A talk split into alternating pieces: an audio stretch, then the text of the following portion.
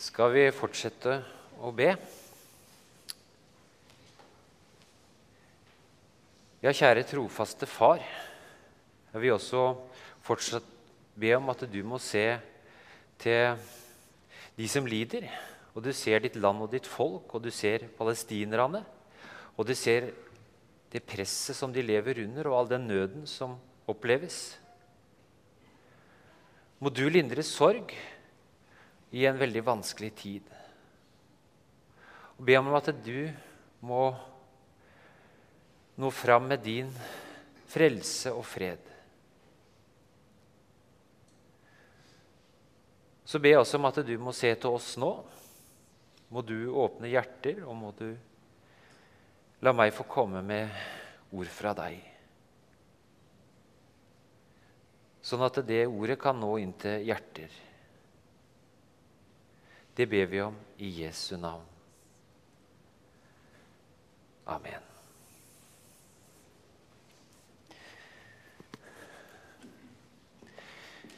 I dag er det 25. søndag i treenighetstiden.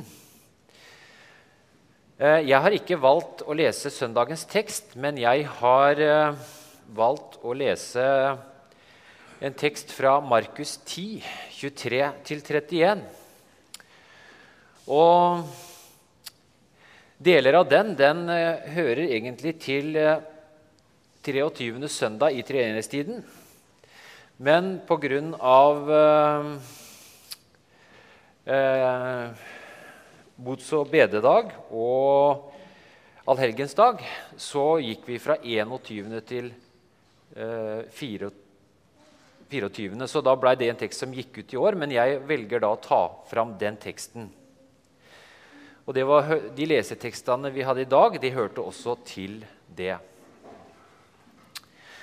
Så da leser vi dagens tekst fra Markus 10, 23 til 31. Og Jesus så seg omkring og sa til disiplene.: hvor vanskelig det blir for den som eier mye, å komme inn i Guds rike. Disiplene ble forferdet over ordene hans. Men Jesus tok igjen til orde og sa.: Barn, hvor vanskelig det er for dem som stoler på rikdommen, å komme inn i Guds rike. Det er lettere for en kamel å gå gjennom et nåløye enn for en rik å komme inn i Guds rike. Da ble de enda mer forskrekket og sa til hverandre.: hvem kan da bli frelst? Jesus så på dem og sa, For mennesket er det umulig, men ikke for Gud. Alt er mulig for Gud. Da tok Peter til orde og sa, Hva med oss? Vi har forlatt alt og fulgt deg. Jesus svarte, Sannelig sier jeg dere, enhver som har forlatt hus eller brødre eller søstre eller mor eller far eller barn eller åkre for min skyld og for evangeliets skyld, skal få hundre ganger så mye igjen. I den tiden som nå er, skal han få hus, brødre, søstre, mødre, barn og åkrer, men også forfølgelser. Og i den kommende verden evig liv. Men mange av de første skal bli de siste, og de siste skal bli de første.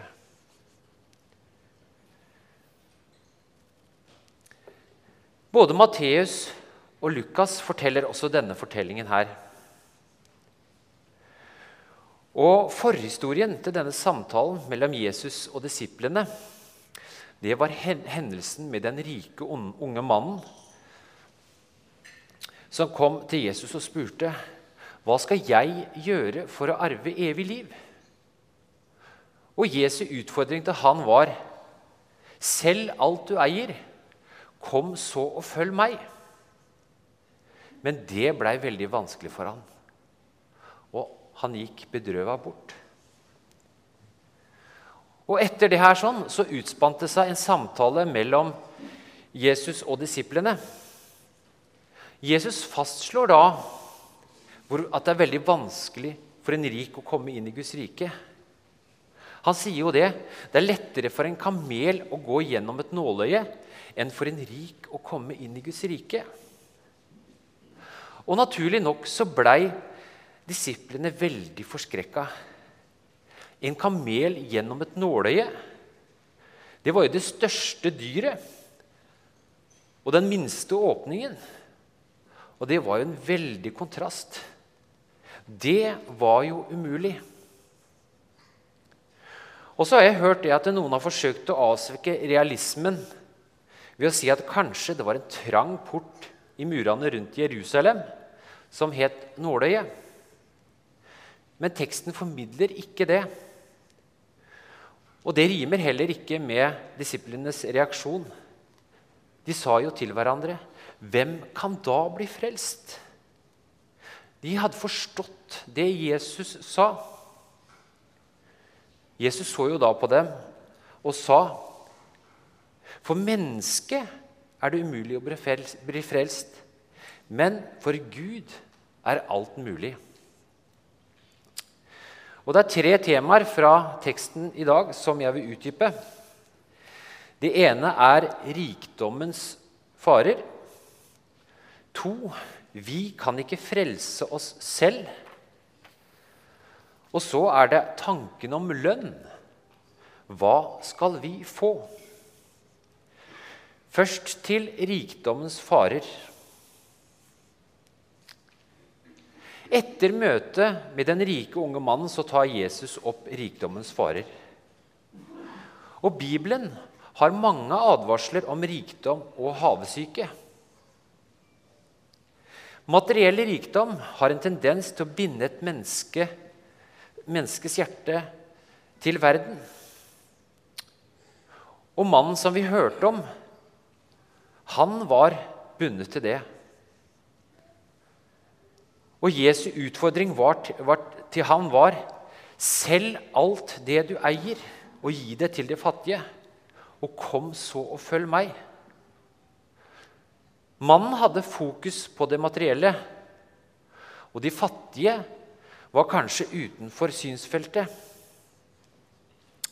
Og Jesus sier i bergprekenen i Matteus 6.: Dere kan ikke tjene både Gud og mammon. Mammon det betyr jo rikdom og jordisk eiendom. Nå er det ikke sånn at Jesus har bedt alle om å forlate sin rikdom. Og i og for seg er det ikke galt å være rik, men vi må ikke stole på vår rikdom. I Lukas 12 så hører vi lignelse om den rike bonden. Og det viser også oss litt om rikdommens farer. Det kan gi oss en trygghet, en falsk trygghet. Bonden sa til seg selv, 'Jeg vil bygge en større låve.' 'Der vil jeg samle alt kornet og ellers alt jeg har.' 'Så skal jeg si, slå deg til ro. Spis, drikk og vær glad.'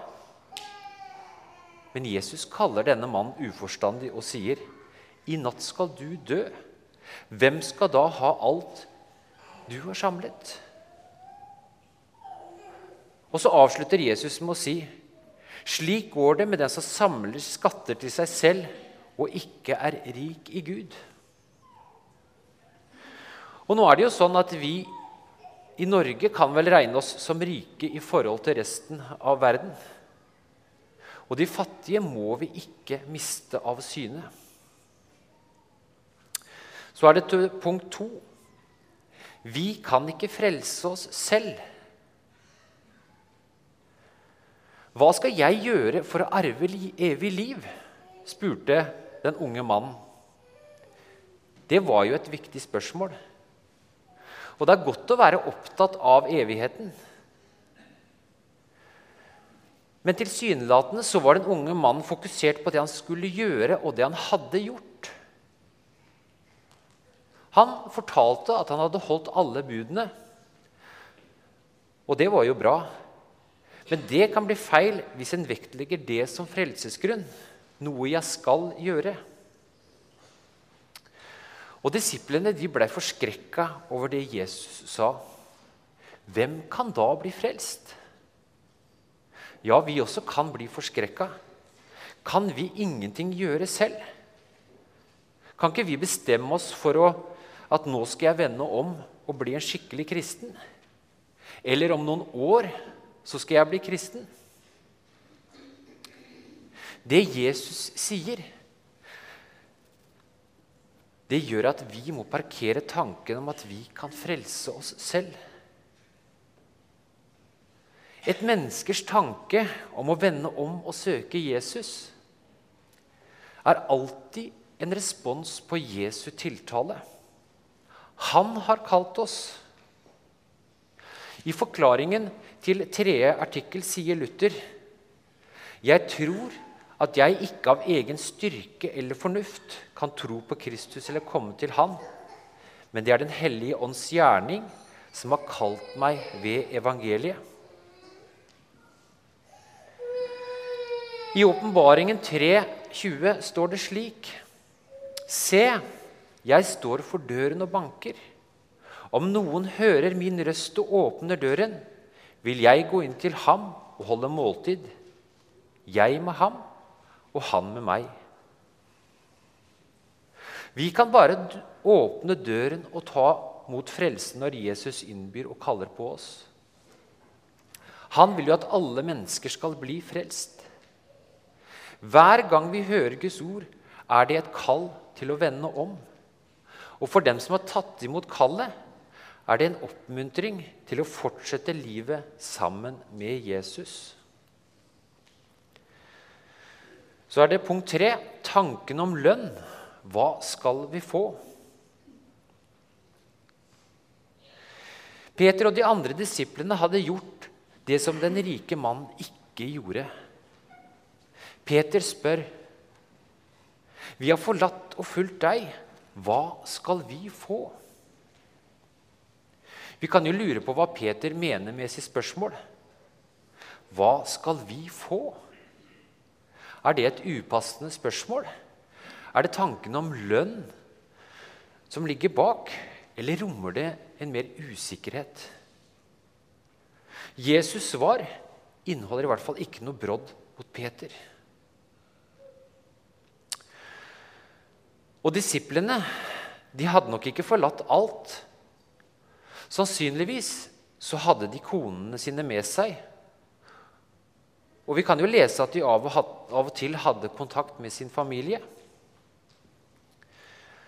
Jf. det at eh, Jesus som helbreder Peters svigermor. Og så kan det også se ut til at både Peters og Andreas hjem var åpent for disippelflokken. Og Vi skal ikke forstå Jesu ord at vi skal, må forlate alt. Men det var en del som disiplene hadde forlatt. Det står at de lot fiskegarna ligge og fulgte Jesus. De mistet kanskje en trygghet for utkomme og inntekt. Livet det tok en ny retning. Og det ble et annerledes liv da de begynte å følge Jesus. Og det blir et annerledes liv for oss også men Jesus lover en lønn, en skatt i himmelen, og også lønn her i tiden. Og så må vi ikke misforstå når Jesus snakker om lønn her i tiden. Skal det lønne seg å være en kristen? Ja, det lønner seg å være en kristen, men kanskje ikke slik som vi i første omgang tenker. Jesus lover oss ikke et problemfritt liv. Vi er ikke garantert lykke og velstand i dette livet. Drivkraften i en kristens liv må ikke være tanken om fordeler her i livet. Hva da når vi møter motgang? Vår trygghet og fordel ligger i å følge Jesus både i medgang og motgang. Jesus er vår eneste trygghet. Ikke det vi eier, ikke vår helse, ikke vårt arbeid, ikke våre evner, og heller ikke vår posisjon i samfunnet. Alt det her kan vi miste. Men Jesus mister vi ikke hvis vi holder oss til han. Jeg tenker på Peters ord i Cesarea i Filippi. Da var det mange som hadde gått bort ifra Jesus. Og så spør Jesus disiplene vil også dere gå bort. Men Peter svarer, hvem skulle vi gå til? Du har det evige livs ord. Det var Johannes 6, 68. Og så må vi be om at dette også kan være vårt svar. Tenk å eie Herrens vennskap og velsignelse i tid og evighet. Det er stort. Og det lønner seg i dette livet også. Fred med Gud og en god samvittighet. Jesus sier de skal få hundre ganger igjen. I den tiden som nå er, skal de få hus, brødre, søstre, mødre, barn og åkrer, men også forfølgelser. Og i den kommende verden evig liv. Lønn og forfølgelse det er et paradoksalt utsagn. Og det kan være vanskelig for oss å ta inn. Vi forstår det vel ikke helt. Kanskje vil vi etter hvert oppleve mer og mer at det har sin pris å være kristen. Jeg har hørt om jobbsøkere som ikke våger å opplyse at de er kristne. Det å være kristen blir sett på i enkelte sammenhenger som et minus. Og noen blir også trakassert og sett ned på fordi de hevder kristne standpunkt. Det kan bli et oppbrudd fra noen når vi velger å følge Jesus. Kanskje mister vi tidligere venner. Vi kan møte motstand fra familie og vanskeligheter, og får vanskeligheter også på jobb. Men vi må holde fast ved det Jesus sier. Han vil sørge for oss. Vi vil også minne om bibelordet i Matteus 6, 33. Søk først Guds rike og hans rettferdighet, så skal dere få alt det andre i tillegg.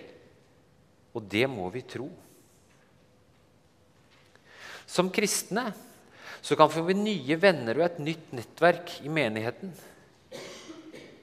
Noen har også hatt meget store omkostninger ved å følge Jesus. Mange har mista hele nettverket, familie, venner og hjem. Men kan også vitne om at de har fått en ny familie med nye venner og menighetens fellesskap. De har fått andre verdier. Og disse verdiene kan være av større verdi enn den timelige rikdommen som den unge mannen i fortellingen vendte tilbake til. Han hadde sin rikdom, men hva så? Sist jul så var jeg og noen i familien på besøk i Etiopia. Og det var en svært spennende opplevelse. Et møte som vi hadde der, det har jeg lyst til å fortelle om. Nå har jeg fortalt den historien her tidligere, men nå er det også kommet i ettertid hendelser som er vel verdt å ta med seg. Som på en måte bekrefter det bekrefter Jesu ord om forfølgelse. En ung kvinne fra Somalia kom i kontakt med noen kristne på nettet. Og det førte til at hun blei en kristen. Og Noen av de som hun kom i kontakt med, de var fra Nord-Somalia.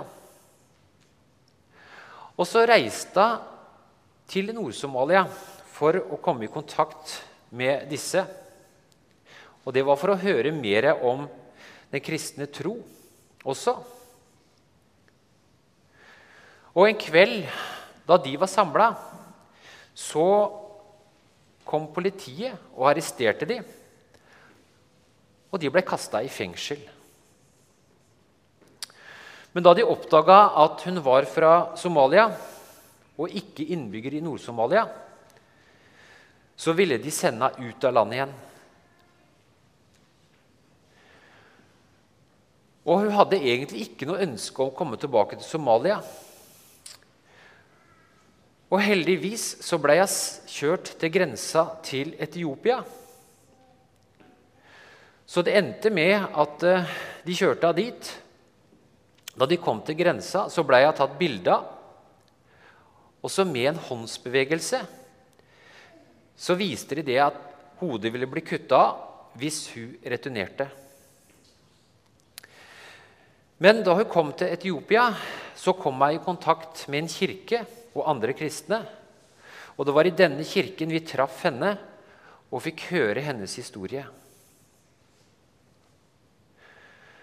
Men nå i ettertid så har familien i Somalia funnet ut at hun har blitt en kristen. Og de er rasende på henne og kontakter henne med trusler. Og Det har også ført til at den lille kontakten hun hadde med barna sine, den er blitt kutta helt av. Og nå lever hun i fare, siden familien vet hvor hun bor. Og så er det mange somaliere i området der. Men heldigvis så er det noen nå som hjelper henne, og har sørga for at du finner en sikker plass å bo. Men det er visstnok ikke en permanent løsning. Så det blir spennende å følge med hvordan det går videre med denne unge dama. De som blir kristne i den muslimske verden, må bære meget store omkostninger. De fleste mister nettverket sitt. Og de må også reise eller rømme hjemmefra. Noen blir trua på livet, og noen blir også drept av familien sin eller andre. Tryggheten eier de ene og alene i Jesus. Forfølgelsen vil kunne ta fra dem tryggheten i denne verden. Ifølge bladet 'Åpne dører' har vi den største forfølgelse i kirkens historie i vår tid. 200 000 mister livet hvert år fordi de har valgt å følge Jesus. Og disiplene de led alle martyrdøden, bortsett fra apostelen Johannes. De hadde forlatt alt og fulgte Jesus. Det er et paradoks og vanskelig å ta inn over seg at mange kristne må miste livet fordi de er kristne. Men vi må stole på at Gud har oversikten. Kanskje er det noe som er bedre enn et liv her på jorden. Vers 31 fra dagens tekst. Men mange av de første skal bli de siste, og de siste skal bli de første. Hva mener Jesus med det? Jesus har en annen type lønnssystem enn vi, det vi er vant med, jf. arbeiderne i vingården.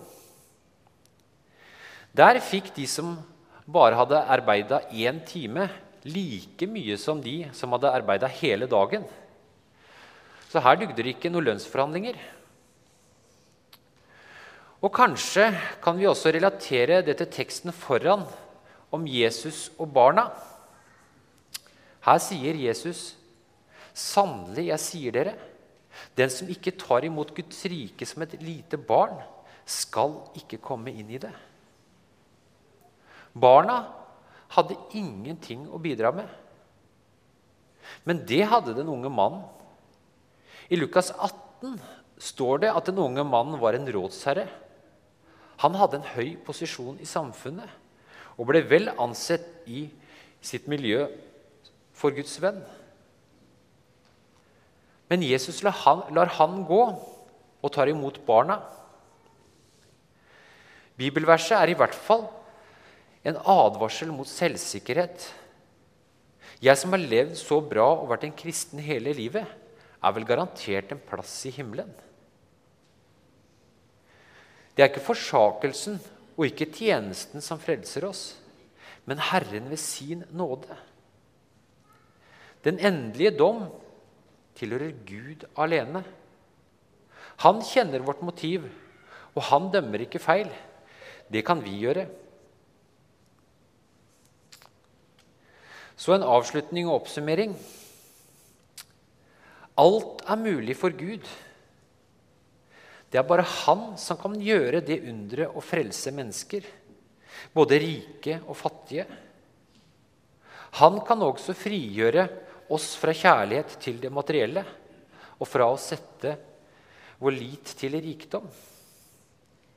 Et liv sammen med Jesus, det lønner seg. Og det lønnes på en annerledes måte enn vi tenker. Det betyr ikke at vi vil få et enkelt og problemfritt liv. Men vi eier en grunnleggende trygghet når vi har lagt vårt liv i Guds hender. Han kjenner oss og vil oss bare godt, for han er en god Gud. Og livet med Jesus det er et annerledes liv. Vi prioriterer annerledes og har andre verdier. Vi forstår at alt vi har, er en gave fra Herren, og vi er forvaltere. Og som forvaltere kreves det at vi er tro. Vår, vår rikdom må også andre få glede av. Og Guds vennskap er mer verdifullt enn verdens vennskap. Mange forfulgte kan vitne om at i all nød har de følt en trygghet og fred og opplevd at Herren har tatt vare på dem og sørget for dem. Og Mange av dem kan også vitne om at de har fått en ny familie i et kristen fellesskap. De har måttet reise fra mye, men Gud har ledet dem inn på noe nytt. Et nytt fellesskap, en kristen menighet. De har opplevd Guds omsorg i Jesusfamilien. Noen har fortalt at det å møte Jesus er mer verdt enn livet. Noen av de har fått et kort liv, men i himmelen har de fått skatten.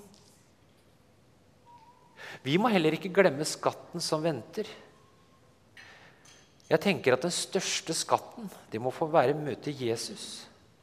Han som har frelst meg, og som har gjort at jeg får komme til himmelen. Til slutt så vil jeg lese første vers av 487. Han tek ikke glansen av livet, den frelser som kaller på deg. Fyrst da kan for alvor du leva, når Han får deg fylja på veg. Amen.